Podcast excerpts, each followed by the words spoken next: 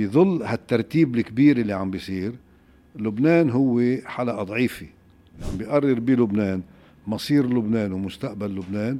فريق من اللبنانيين اختطف القرار الوطني اختزل لبنان بشخصه احتمى فينا كأكياس رمل. إذا هيدا مش احتلال للقرار الوطني شو بيكون؟ كيف بيكون الاحتلال؟ ما إسرائيل تتمتع بكل هالدعم الدولي اللي عم بتشوفه من كل العالم. إنه بركي هي لها مصلحة توسع الحرب وتعمل ضربه قوية لحزب الله. في احتمال إنه يكون في مصالح اكان بإسرائيل أو بأمريكا لتوسيع رقعة هذه الحرب ولكن لحد هلأ هذا الاحتمال يبقى كثير ضئيل. ممكن نكون نحن أقرب من أي مرحلة مضيت لحل الدولتين أو لا رح يضل الحل بالأمن وبالحديد وبالنار. ولا مرة إسرائيل عرفت تستخدم قوتها للتوصل إلى حق ولا مرة الحق بدون قوة وصل الفلسطينيين إلى دولة. الرأي العام اليهودي المسيحي اللي موجود بالخارج عم ينظر إلى هذه المعركة بعيون بأنه إذا انهارت إسرائيل أمام الإسلام السياسي بغزة سيجتاح الإسلام كل العواصم الغربية. 14 آذار عقله كان توحيد اللبنانيين ما بعد 14 آذار كان العقل توحيد الطوائف بوجه بعضهم. هذا ما بيعمل بلد.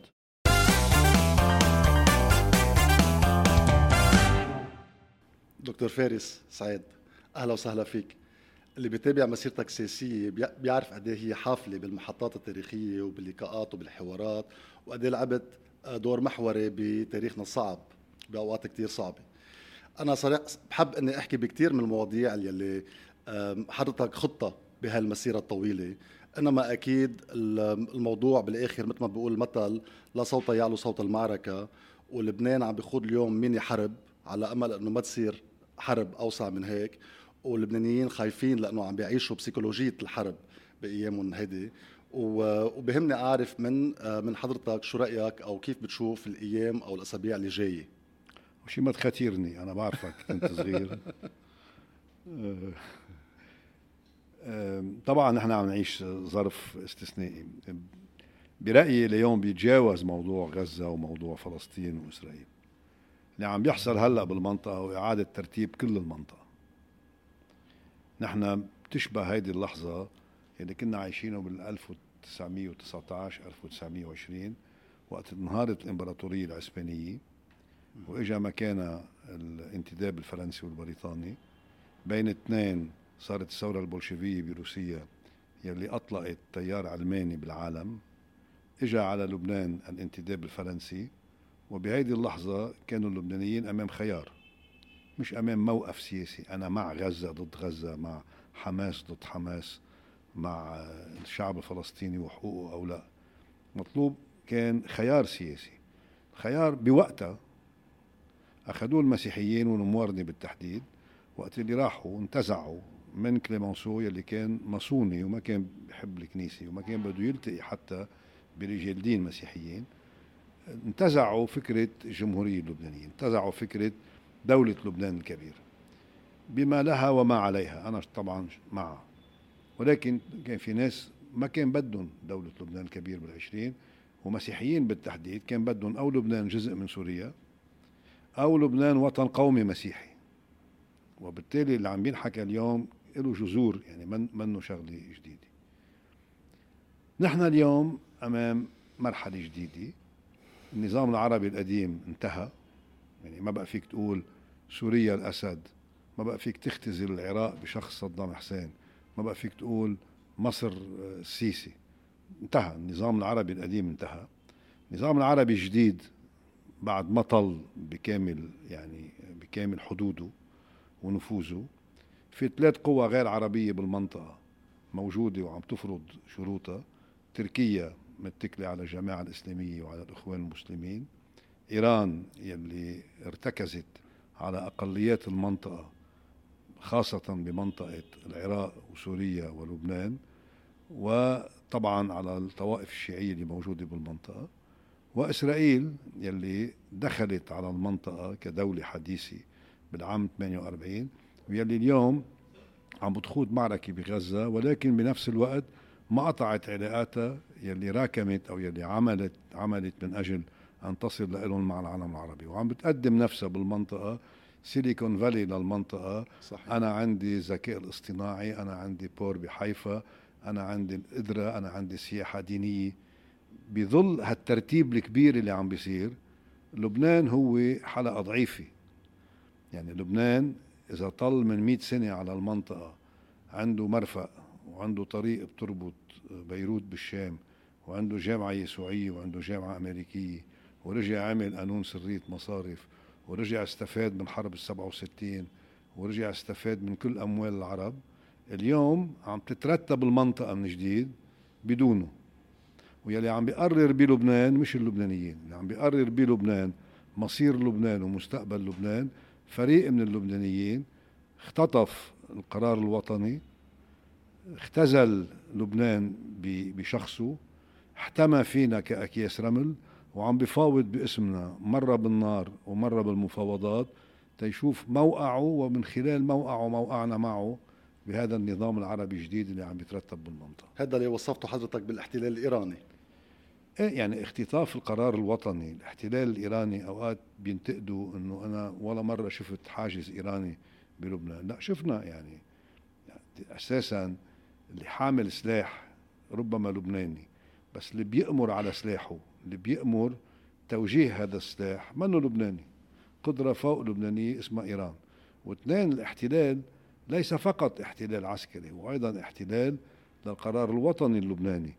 اليوم عم بيعينوا آية جيش في فريق من المسيحيين راح دغري لعند حسن عند حزب الله تيعين آية جيش وفريق تاني بده آية الجيش الحالي راح لعند السيد حسن نصر الله بالمواربة راح عند الرئيس بري ومن عبر الرئيس بري كمان عند حزب الله. وبالتالي هذا بدل على إنه إذا أنت بدك تعين قائد جيش بلبنان وبكرة بدك تنتخب رئيس وبعد بكرة بدك تعين رئيس حكومه في مركز واحد بيوزع النفوذ بلبنان. يعني حزب الله عم يختزل كل القرارات إذا هيدا إذا هيدا مش احتلال للقرار الوطني شو بيكون؟ كيف بيكون الاحتلال؟ هلا في تسارع احداث بالحرب اللي عم نشوفها بغزة وإمكانية إنه هذه الحرب تتوسع على الجنوب لأنه كنا عم نشوف بآخر مرحلة ميني حرب إذا صح التعبير بالجنوب ضمن ما يسمى بقواعد الاشتباك. إنما في تسارع للأحداث وفي تصاعد بحدد هذه الاشتباكات وشفنا امبارح كمان التعرض إسرائيل لموكب إعلامي بجنوب لبنان. وفي خوف كتير كبير وعم بيتزايد عند اللبنانيين بإنه نسبة إنه تندلع الحرب بشكل شامل وكامل عم بتزيد نسبتها من ما هي كانت ب 7 تشرين الأول. كيف كيف بتشوف هذا الشيء؟ وفي إمكانية إنه ترجع تتوسع الحرب بالأيام الجاية؟ في إمكانية ولكن احتمال ضئيل. من وقت ما انتشرت البوارج الأمريكية بالبحر الإيرانيين فهموا إنه دخولهم على الحرب تحت عنوان توحيد الساحات راح يدمر إيران قبل ما يدمر هذه البلدان وبالتالي تراجعوا. وقت اللي تراجعوا تراجع معهم حزب الله يلي بيدل أيضا إنه ما عنده ولا أي حرية تحرك. إذا إذا إيران بتقرر الدخول بالحرب بيدخل وإذا إيران ما بتقرر الدخول بالحرب ما بيدخل. وبالتالي إيران أمام انتشار هذه البوارج الحربية الأمريكية قررت عدم الدخول بهذه الحرب ولا بل بالعكس غسلت إيديها من دم هذا الصديق بغزة. وتصرفت أنا وصفت السيد حسن نصر الله ببيلاطس البنطي تصرفت كأنه نروحوا اصلبوهم هول نحن ما لنا علاقة فيهم. رغم يعني طبعا العلاقة الأكيدة اللي كانت موجودة لأنه إذا ما كانوا هن مثل ما عم بيقولوا بيعرفوا شو صار ب 7 تشرين بس أكيد كانوا محضرين. اكان بإيران أو اكان بالضاحيه الجنوبيه لبيروت كل العدة الإلكترونية والذكاء الاصطناعي من أجل تجاوز هذه الحدود الهاي تك اللي كانت موجودة بين غزة وبين إسرائيل وعبروا مطرح ما هن عبروا. وبالتالي أمريكا مع انتشار الجيش منعت إيران من توحيد الساحات بتصور عدم دخول الصين أيضا على هذه المعركة رغم ال يعني الادعاء الصيني بأنهم هن بدهم يعملوا قطب آخر بالحرب الباردة ما بين إنه كان في مناسبة إنه اليوم إذا كانت أمريكا إجت زارت بنيامين نتنياهو بأول يوم من الحرب كان لازم الصين تزور غزة وهذه الحرب تصير يعني by proxy بيناتهم. ما صار الصين فهمت أيضا إنه انتشار البوارج مكلف جدا إذا بدها تدخل وأمام هالانسحاب الإقليمي اللي اسمه إيران واللي اسمه الصين واللي طبعا روسيا مبسوطة لأنه هلأ صارت عم تهتم بأوكرانيا بدون ما حدا عم يهتم فيها اعلاميا على كل حال. جمد حزب الله وأعلن على مرتين إنه هذه الجبهه منا جبهة حرب هذه جبهة صمود. جبهة صمود يعني جبهة مساندة.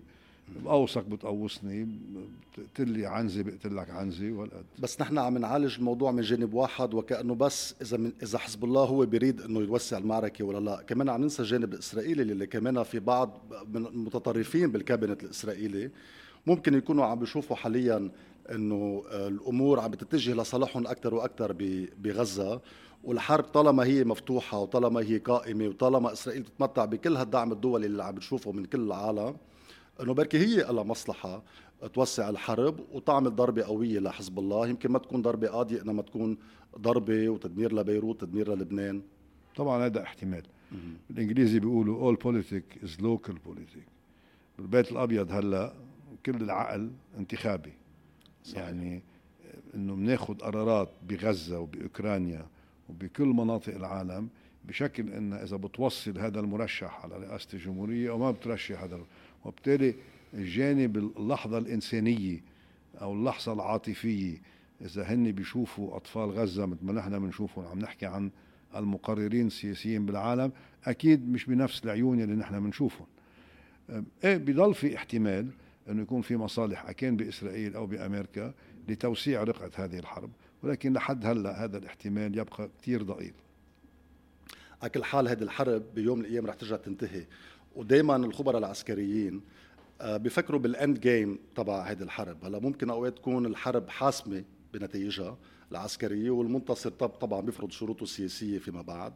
وأوقات كثير ما تنحسم آه، على بميدان المعركة وتنحسم على طاوله المفاوضات هلا اليوم نحن عم نشوف إنه بإسرائيل نفسها يلي هي طبعا بحكوماتها اليمينية كانت يمكن عرقلت على مدار أكثر من 20 سنة آه، حل الدولتين. في البعض يلي عم بيطالب إنه يكفوا بحسب المعركة وبإنه بالنتيجه إسرائيل حتنتصر ويمكن يرجعوا هن يفرضوا السيطرة الأمنية بوسط جيشهم بقطاع غزة.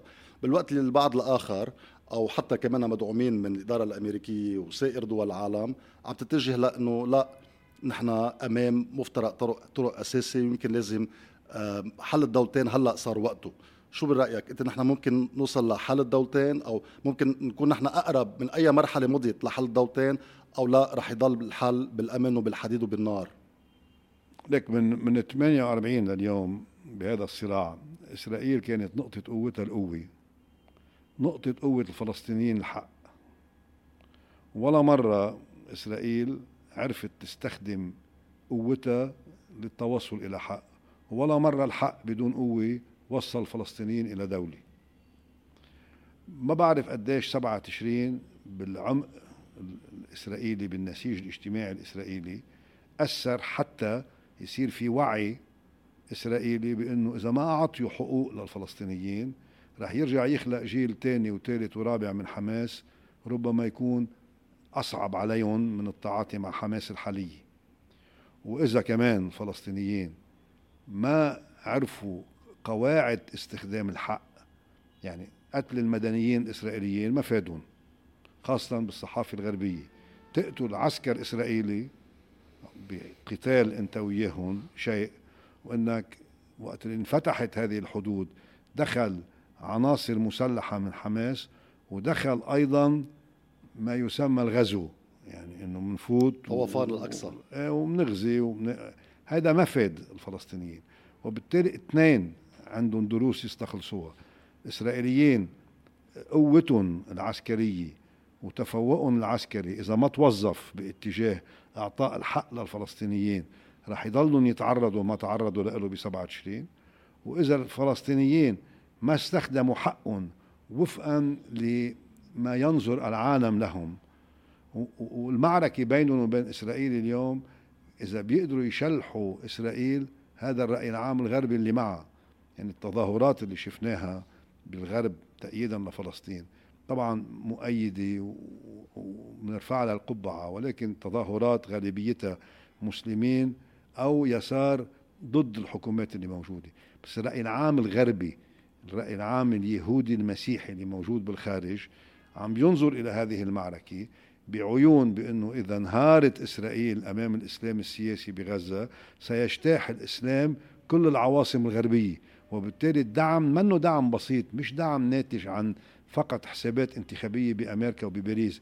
تصور أنت أنه إيمانويل ماكرون نهار الجمعة بيقول آه، ما بفهم كيف عم تستهدفوا المدنيين بغزة. السبت بيطلع بنيامين نتنياهو بيقول أنت كرئيس تخطيت الحدود الأخلاقية للتعاطي معنا. السبت بعد الظهر بيتراجع وبيقول أنا بدعم إسرائيل بكل ما لدي من قوة. وبالتالي هذا الإرباك اللي عم تشوفه بالخارج ناتج عن الضغط الشعبي لدعم آه، التيار اليهودي المسيحي لإسرائيل. كما بالعالم العربي غالبية المسلمين مختلفين على حماس ما بيحبوا حماس لأنه حماس إيرانية الهوى. يمكن مستعدين يضحوا فيها على كل حال آه بنهاية المطاف. أولا إيرانية الهوى اليوم يعني لهم أسهم فيها. إذا كانت حماس 2400 سهم أكيد لهم فيها الإيرانيين 400 أو 600 سهم. بس إسلامية بمعنى كل الدول المسلمة أو الدول العربية يلي يلي من بعد 11 أيلول بدها تقدم نفسها أنه عندها القدرة لمصالحة العالم العربي والعالم الإسلامي مع العصر ما بتحب أن تختزل قضية فلسطين بالجانب الإسلامي أساسا بيخسروها لقضية فلسطين اختزالها بالجانب الإسلامي بتخسرها كل المسيحيين يعني كل المسيحيين والدعم الغربيين. كله سوا كمان على كل وحتى الدعم العربي الأخير. وبالتالي إيه يعني هذه الحرب اللي صارت بالتراكم رح يتعلموا جانبين الجانب الإسرائيلي والجانب الفلسطيني رح يستخلصوا دروس منها. يمكن ما تطلع بكرة النتائج بدولتين ولكن أكيد في حقوق للفلسطينيين لازم يحصلوا عليها وأكيد في سلوك فلسطيني تجاه إسرائيل وواقع لازم كمان ياخذوه بعين الاعتبار.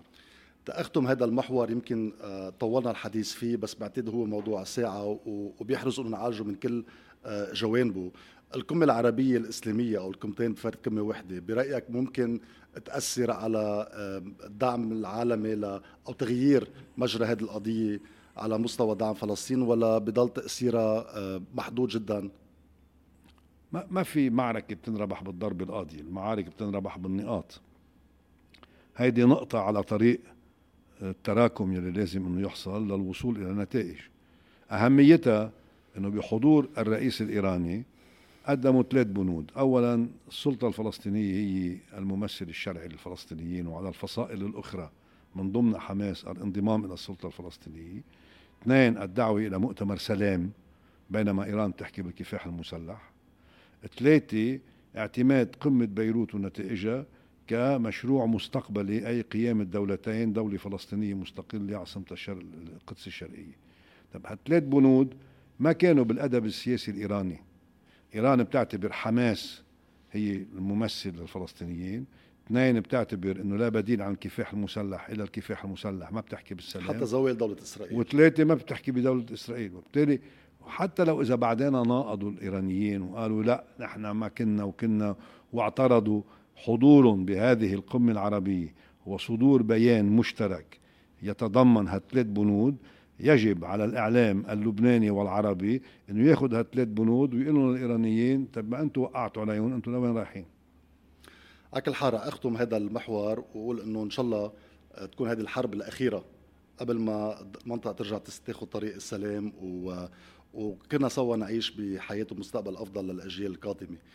الموضوع اللبناني الموضوع اللبناني ما حدا عم بيحكي فيه يعني الواحد فرج على التلفزيونات آه، بلد عنده انهيار كامل وشامل اقتصاديا واجتماعيا وهجرة لشبابه بشكل متصاعد سنة عن سنة.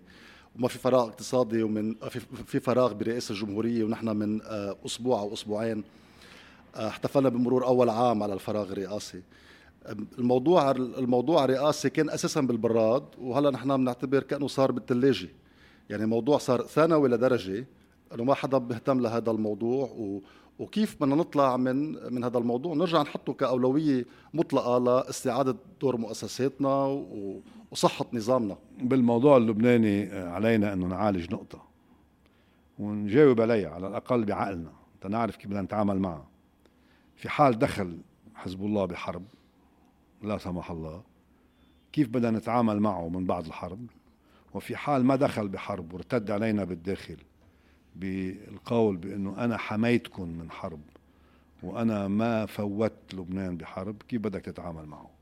وبالتالي الأسئلة اللي مطروحة أسئلة كتير كبيرة. ولسوء الحظ القوى السياسية والأحزاب اللي موجودة ما عم بتجاوب عليها بشكل كافي أو عم تهرب منا إلى عناوين تحت وطنية. نهتم بانتخابات الجامعات نعمل معركة على قيادة الجيش واحد منا بيروح لعند حسن نصر الله يزكي آية جيش والتاني بيروح لعند نبيه بري يطلب من حسن نصر الله يخلي آية جيش تاني. يعني هيدي المعارك اللي نحن عم نعملها لا ترتقي إلى مستوى أو إلى حجم الأخطار اللي نحن عم نعيشها. أولا هل الدستور اللبناني لا يزال قائم لتنظيم العلاقات اللبنانية اللبنانية؟ إذا حزب الله بده يضل حامل سلاح بلبنان. اثنين هل وثيقة الوفاق الوطني هي وثيقة اليوم أيضا مطروحة للنقاش أو يجب أن نتمسك بها أكثر من أي وقت مضى؟ لأن الخروج منا اليوم بموازين القوى الحالية فريق راجع عامل عنتر على الداخل وأفريقاء عم بيهربوا إلى عناوين تحت لبنانية. شو بيعمل فينا إذا نحن ظهرنا من وثيقة الوفاق الوطني؟ ثلاثة قرارات الشرعية الدولية يلي بنحكي فيها وما حدا منا عم بيطالب. مع احترامي وتقديري اليوم مع كل ما لدي من احترام لل 31 نائب المعارض. شو بدي بيوديك ما بيمثلونا. بس هال 31 نائب المعارض يلي نحن بنعتبرهم إنهم بيمثلوا فكرتنا الوطنية. طب هال 31 نائب معارض يلي بيوقعوا بيانات بيقولوا فيها وعن حق ونحن معهم. دستور طائف قرارات شرعية دولية. طب منتخبهم 300 ألف لبناني. ما بيقدروا يجيبوا 3000 لبناني كل نهار سبت أو كل نهار أحد.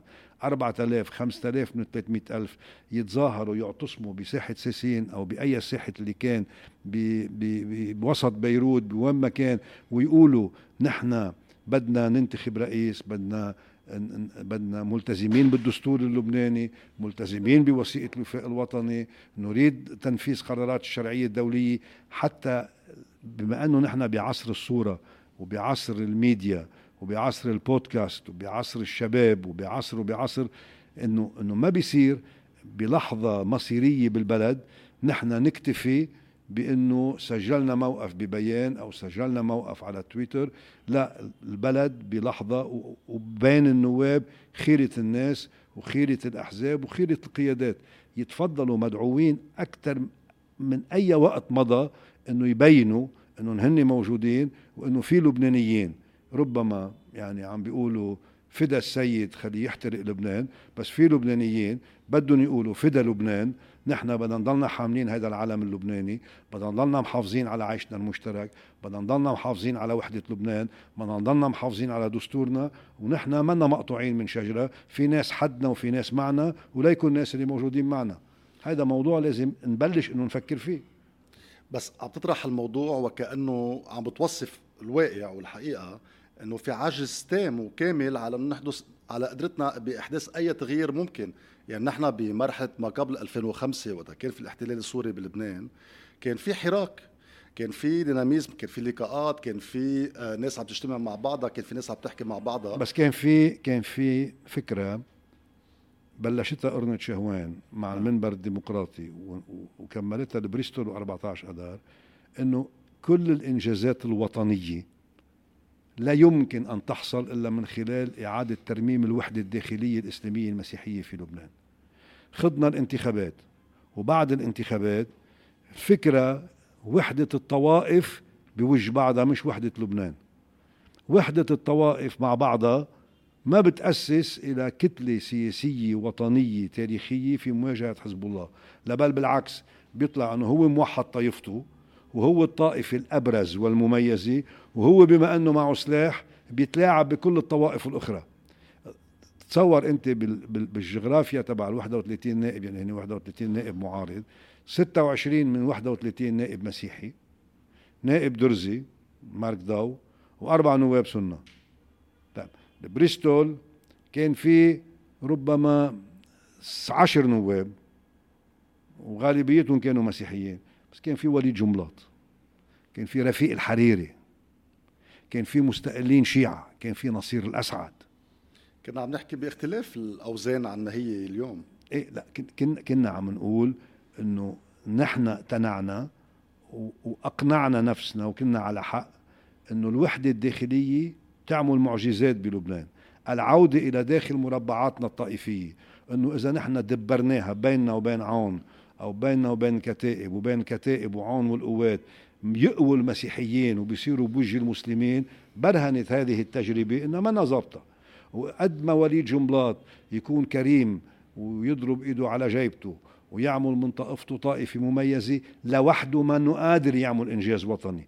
وقد ما يكونوا السنة عدد ومدد وأمة إذا بقيوا لوحدهم ما بيقدروا يعملوا أي إنجاز وطني.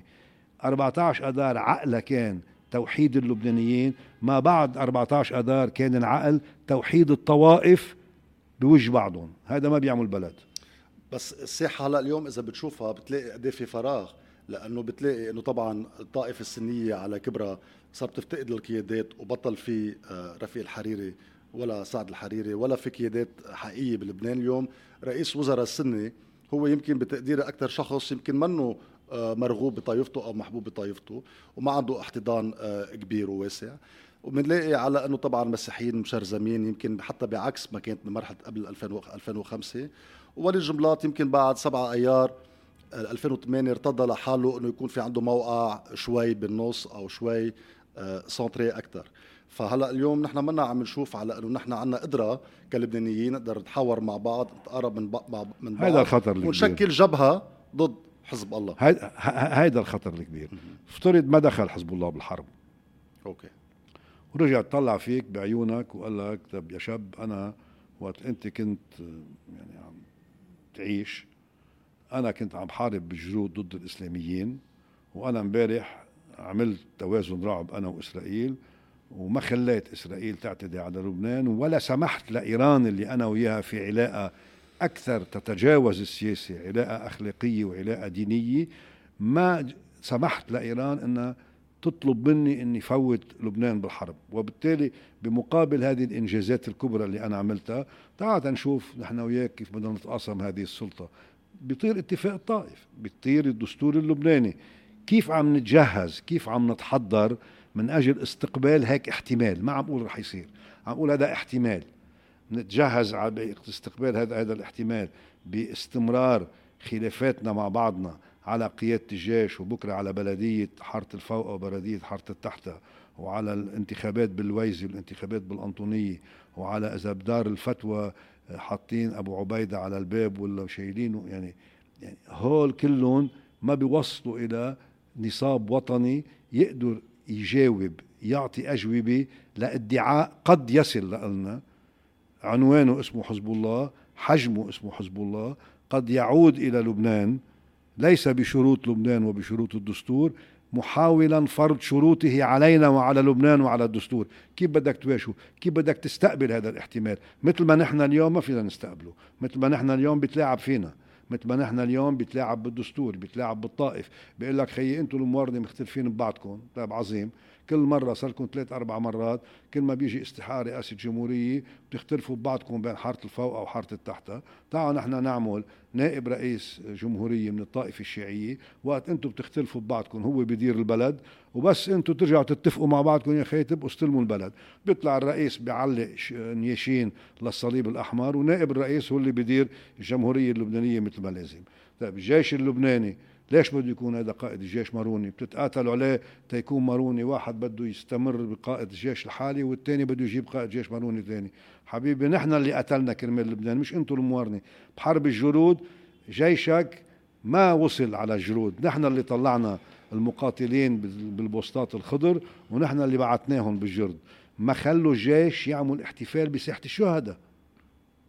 وبالتالي نحن واصلين على مرحلة بالغة الخطورة إذا ما انتبهنا وما كنا على قد المرحلة بمعنى توحدنا كلبنانيين وتوحدوا الأحزاب ببعضهم على قاعدة أن يجيبوا على أي احتمال ادعائي من قبل حزب الله يوظف قوته بالداخل لا الحزب بيقدر ياخذ البلد وبتفاهم مع الأمريكان بين الإيرانيين والأمريكان.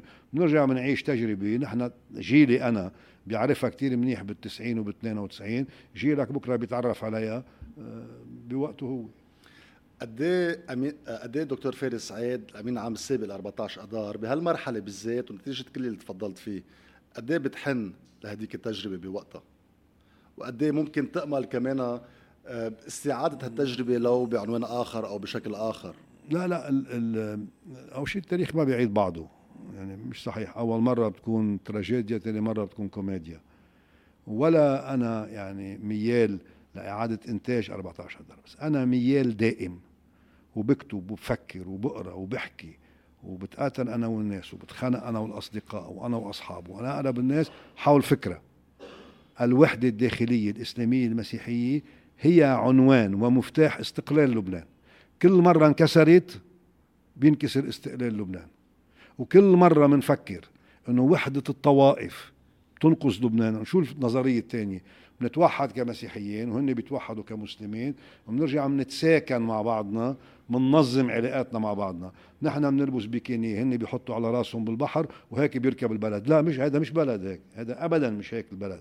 البلد بقوانين البلد بتراكم البلد بمستقبل مشترك باقتصاد مشترك بنظام مصلحة مشتركة. ما فيك تعمل قانون سير للمسيحيين وقانون سير للمسلمين. قانون بنى للمسيحيين وقانون بنى للمسلمين. بدك تعمل سردية. اليوم بالحرب اللي أنت بلشت الحلقة معي أنا. خلصت بعد شهر. فيك تركب منطقة جديدة بدون يهود؟ لا. لا لأنه على الأرجح رح يحسموا يا سيدي. موجودين يعني. ومع هذا الدعم اللي وعم بيحطوا دم وموجودين وعم بيح... فيك تركب منطقة بدون مسلمين؟ في 600 مليون مسلم. أكيد لا. فيك تركب منطقة بدون غير ناس. فيك خاصة إذا بتفقد سبب وجودك. وسبب وجودك إنك أنت حامل مشروع سلام بهذه المنطقة مش مشروع عنف. أنت حامل مشروع عيش مشترك بهذه المنطقة مش مشروع انفصال. هذا سبب وجودك. إذا ما بترجع بتحمله عن جديد وبترجع بتقول أنا بطل لهذا المشروع أنا بطل العيش مشترك أنا دبحت أنا والدروز بال 1860 ورجعت عملت أنا وياهم أفضل العلاقات ولحد اليوم وبلاهم ما بقدر يعيش. أنا أنا تعرفت على السيارات المفخخة ببيروت قبل العواصم العربية وطلعت منها. أنا قتلنا بعضنا مسيحيين ومسلمين ومسيحيين ومسيحيين ومسلمين ومسلمين وطلعنا منا تعالوا تعلموا منا التجارب. إذا ما رجعت حملت هذا المشروع وهذا مشروع كبير منه مشروع بسيط. مشان هيك أوقات يعني بزعل إنه اللاعبين السياسيين اليوم أقل أهمية من حمل هيك مشروع. بس هذا المشروع لازم حدا يحمله. الكنيسة تتفضل تحمله يلي ما عم تعمل شيء بهذا الاتجاه المرجعيات الروحية الإسلامية يتفضلوا يحملوه يعني ما عم يعملوا شيء بهذا الاتجاه هذا موضوع الجامعات الجامعة اليسوعية الجامعة الأمريكية الجامعة اللبنانية الجامعات الثانية ما عم بيعملوا شيء بهذا المشروع بنعمل معارك بالجامعة تناخذ اليسوعية أو تناخذ البلمند بس ولا مرة. إظهار أحجام فقط لا غير. بس لا يعني عم نعمل معركة عم نختزل السياسي بالسلطة السلطة بالانتخابات الانتخابات بالحزب الحزب بشخص.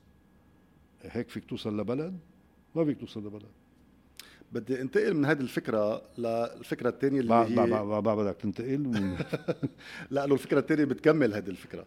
وحضرتك طرحتها بشكل أو بآخر هلأ بحديثك. آه نحن هلأ اليوم نتيجة الفشل اللي عم نعيشه بمؤسساتنا وبنظامنا وبعدم إمكانيتنا على تجديد آه، نظامنا بشكل مزبوط في كتير طروحات عم بتصير مؤخرا وحتى يمكن عم بتشارك آه، كمان فيها حول طبيعة نظامنا. لأنه أنت بتمسك باتفاق الطائف وبتعتبر إنه هذا النظام لازم يطبق وبعد لهلأ بعد 30 سنة على آه، إقراره بعد ما لاقى المجال لتطبيقه بشكل كامل. البعض عنده مخاوف وهواجس مختلفة وبيعتبر إنه هذه الصيغة آه، ماتت ويجب دفنها ولازم ويجب الانتقال لصيغة أخرى. شو رأيك على الحوار اللي هلأ عم بصير أكثر إن كان بدنا نحافظ على المركز الدولة المركزية أو ننطلق لمركزية إدارية ومالية موسعة أو حتى للطرح اللي بيروح أبعد من هيك اللي هو طرح الفيدرالية؟ أساسا أقصى درجات آه، إعطاء راحة للمواطن اللبناني. من خلال إدارة مرنة ومن خلال إدارة لا مركزية وفقا للدستور اللبناني أنا معه. يعني أنه ما بيصير أنه ما يكون في عندك نافعة بكل محافظة ما يكون في عندك دوائر إدارية بكل محافظة. ولكن فكرة اللامركزية الإدارية من بعد يعني وقت حكى فيها بال 89 وبالحرب ما كان في إنترنت. يعني اليوم وأنا يعني وقت كنت نائب كان يجيني ناس بجبال عايشين مثلا فوق جبال ببلاط. يقول لي أنا من شرقي صيدا عمل لي واسطة انقل نفوسي على جبال وأنا معك وأنا بنتخبك بقول له ليش بدك نفوسك على جبال؟ بقول لي خيي إذا بيخلق لي ولد بدي أنزل على على سرايا صيدا.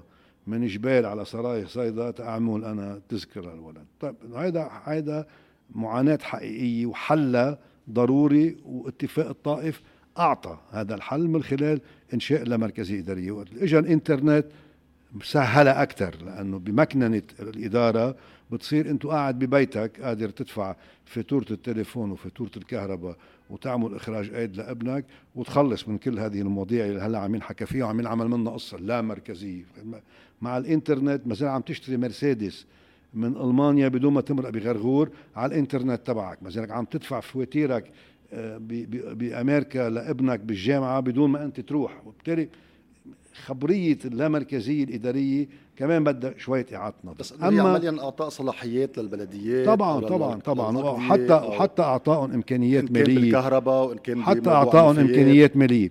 وين وين المشكلة؟ المشكلة نعم. بموضوع التشريع. الدولة اللبنانية بتقول مجلس نواب بشرع للجميع. في ناس عم بتفكر إنه أعطاء حق التشريع لمجالس الاقضية أو مجالس المحافظات. يعني إنه هون نعمل night club ات وفيها ستات حلوين. هونيك ما بنعمل night club ات وفقا لخصوصية المجتمع لأنه ممنوع ال... هذا الموضوع يجب برأيي أنا يجب أن يبقى مركزي. إدارته لازم تكون كثير مرنة. التشريع لازم يكون تشريع وطني. تنفيذ هذا التشريع إدارة هذا التشريع يجب إعطاء إمكانية للامركزية الإدارية بالتعامل معه بشكل جيد. ولكن بدي أرجع على الفكرة الأساسية. أنا متمسك اليوم أكثر من امبارح باتفاق الطائف. لسببين. السبب الأول له علاقة بسيادة واستقلال لبنان. اتفاق الطائف أنهى سوء تفاهم تاريخي بين المسيحيين والمسلمين. المسيحيين كانوا يتهموا المسلمين إنه لبنانيتكم ناقصة. أنتم بتحبوا عبد الناصر وأبو عمار وصدام حسين أكثر من لبنان. والمسلمين كانوا يتهموا المسيحيين إنه عروبتكم ناقصة. أنتم بتحكوا فرنساوي وإنجليزي وبتحبوا الأرمن أكثر ما بتحبونا لأنه بينتخبوا معكم وبتنتخبوا معهم. هذا كان اتهام عام.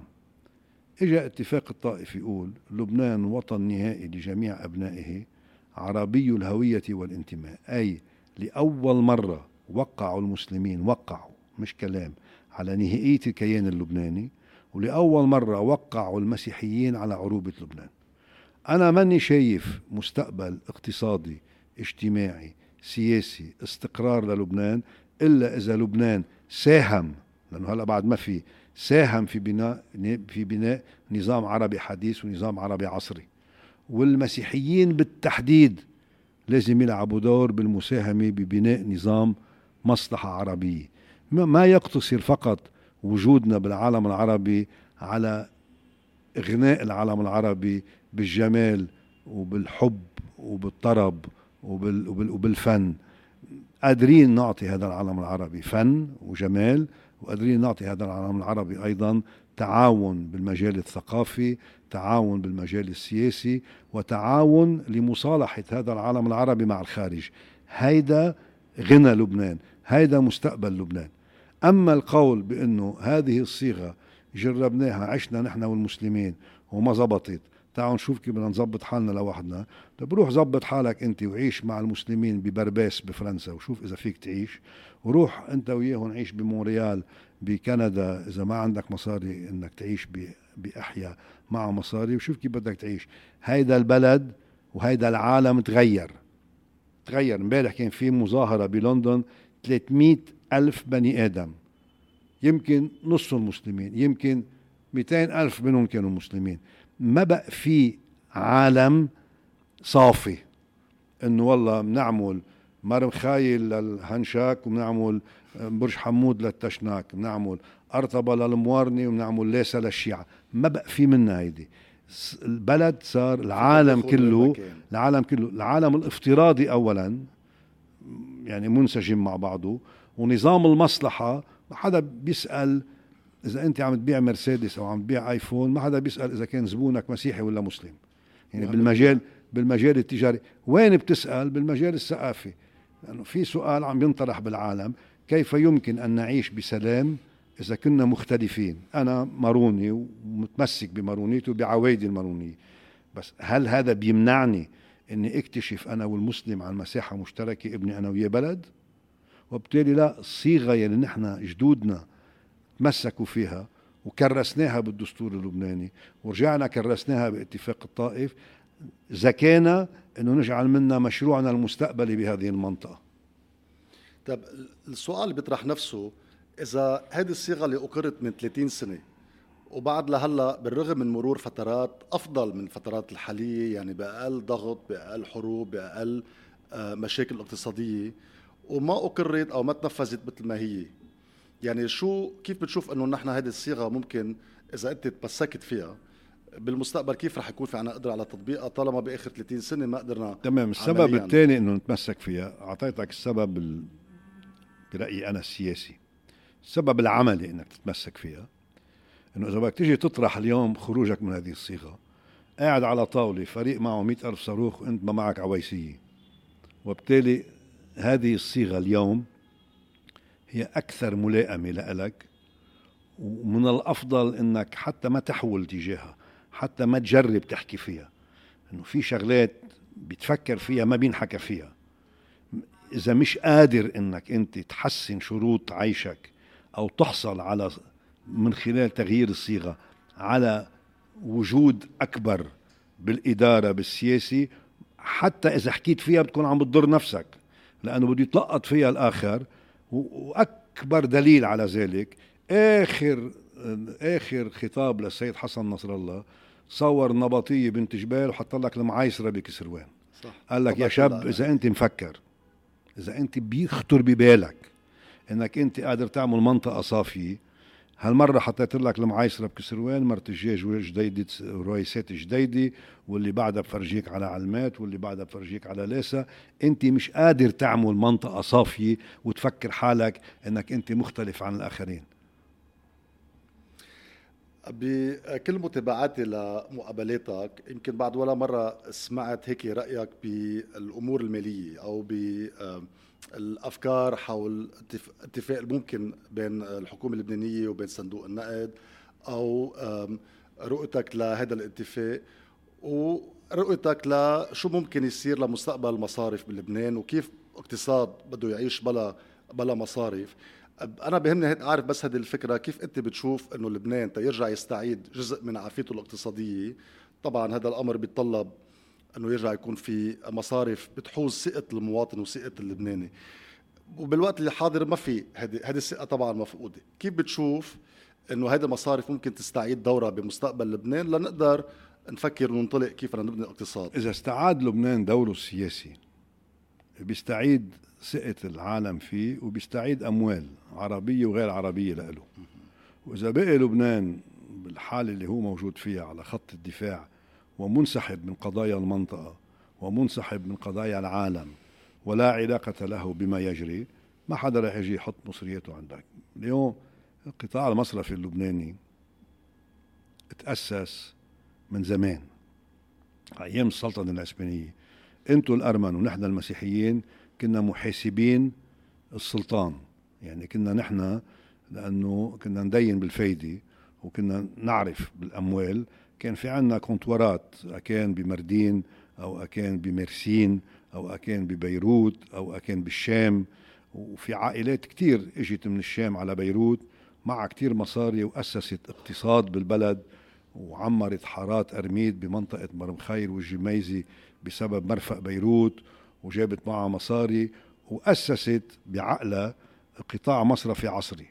رجع اجى قانون سرية المصارف بالعام 56 بظل الانقسام بين الشيوعيين وبين رأس المال بالعالم بالحرب الباردة أمم بعض النماذج العربية آه، أخذت النموذج الاشتراكي وتأممت أموال هربت أموال عربية من سوريا ومن العراق ومن مصر بال 56 وغطت بلبنان بسبب قانون سرية المصارف. بال 67 أقفل قناة السويس وأصبح بور بيروت قناة السويس المنطقة فتحوا كل العرب شركات ببيروت ودخلوا مصاري على المصارف. بال 69 إجت أموال منظمة التحرير.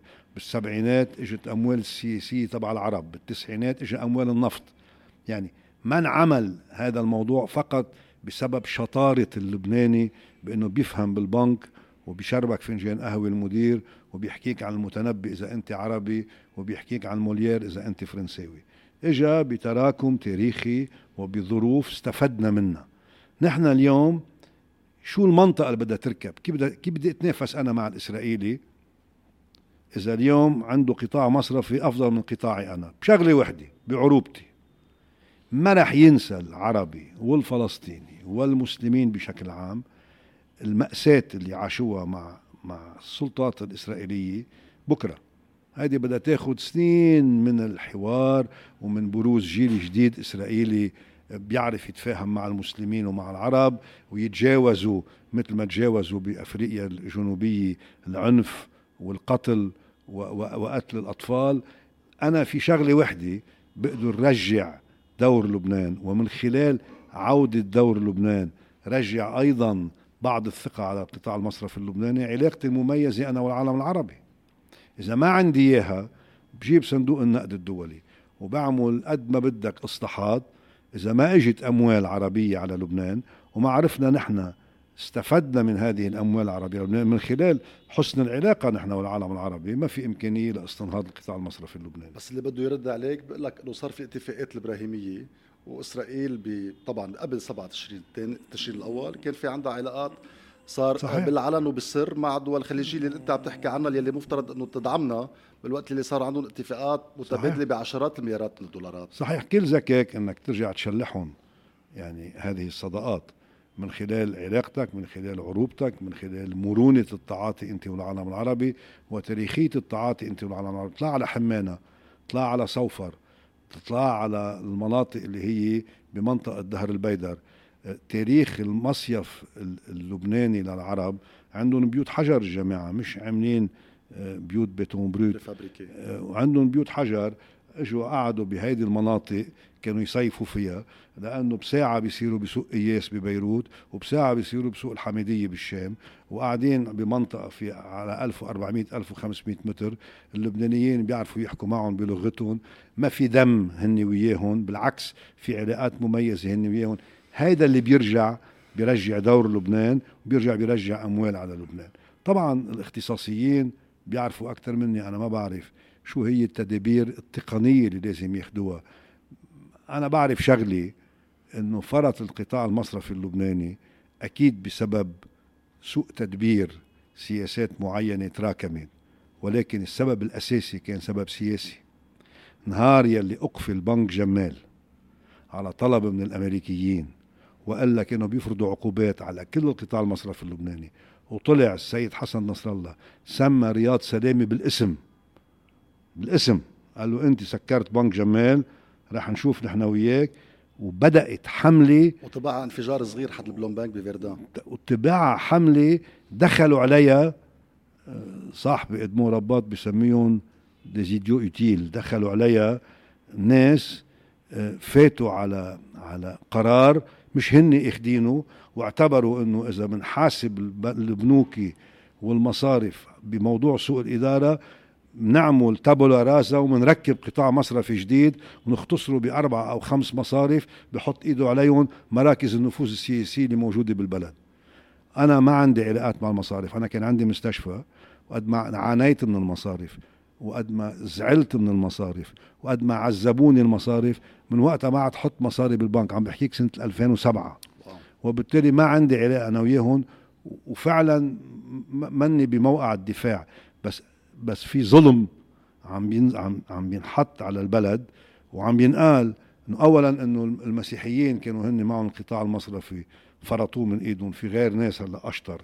على أساس ما كانوا موجودين حد رياض سلامة وقت اللي كان رياض سلامة حاكم مصرف لبنان وسيم منصوري ما كان موجود. بس هو هلا بتعرف الشيعة أشطر منا نحن. بعملية بناء المصارف بلبنان وإنه في مين عم بي عم بيركب يعني قطاع مصرفي جديد. لا القطاع المصرفي بده ثقة والثقة بتجي من إعادة من استعادة الدور السياسي. بالسؤال ما قبل الأخير بتاريخك اللي ذكرته ببداية الحوار اللي هو مليء بالحوارات عش خبرني عن تاريخي. أنا شاب بعدني من ما, ما عندي تاريخ. رح أوصل لهون.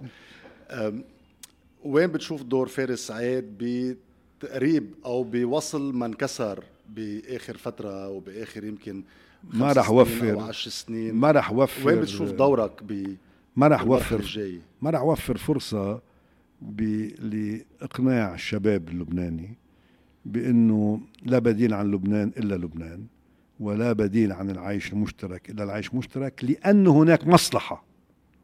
مش لأنه العيش المشترك مش نتيجة رغبة المسيحيين للعيش مع المسلمين ولا نتيجة رغبة المسلمين للعيش مع المسيحيين.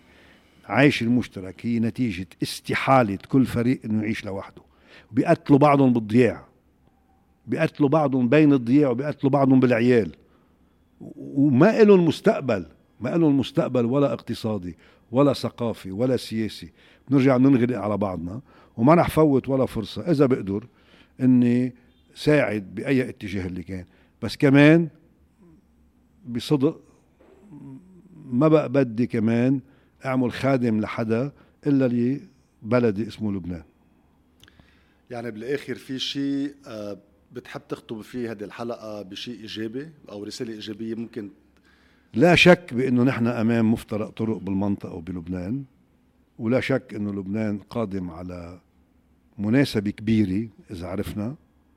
ولا شك بأنه أنا مؤمن بهذا الجيل جيلك أنت يلي آه، إن كان بلبنان أو خارج لبنان. يعني أنا بعرف من أولادي قديش أولادي يعني مثل كثير من الأولاد كانوا هن طالبين إنهم يروحوا بمرحلة من المراحل. وقت اللي راحوا صار تعلقهم بلبنان أكبر من وقت اللي كانوا موجودين. يعني صار متابعتهم أكبر. هذا الجيل بده يرجع يبني لبنان الغد هذا جيل الذكاء الاصطناعي وبنفس الوقت جيل التقليد يعني جيل عنده ضيعة وعنده عائلة وعنده فخت بالعائلة وعنده جب وعنده سندياني وعنده تمسك بعوايده وبيتجوز بطريقة معينة وبيدفن بطريقة معينة وبيعزي بطريقة معينة. هيدا الجيل يلي, يلي رابط بين الحداثة والمعاصرة والتقليد هيدا جيل بده يخدم لبنان. كلنا أمل إنه نشوف أيام أحلى وسنين أحلى بالمستقبل. شكرا اليوم؟ إمتى بدك تدعينا لعندك على أرطبة نعمل هايك سوا؟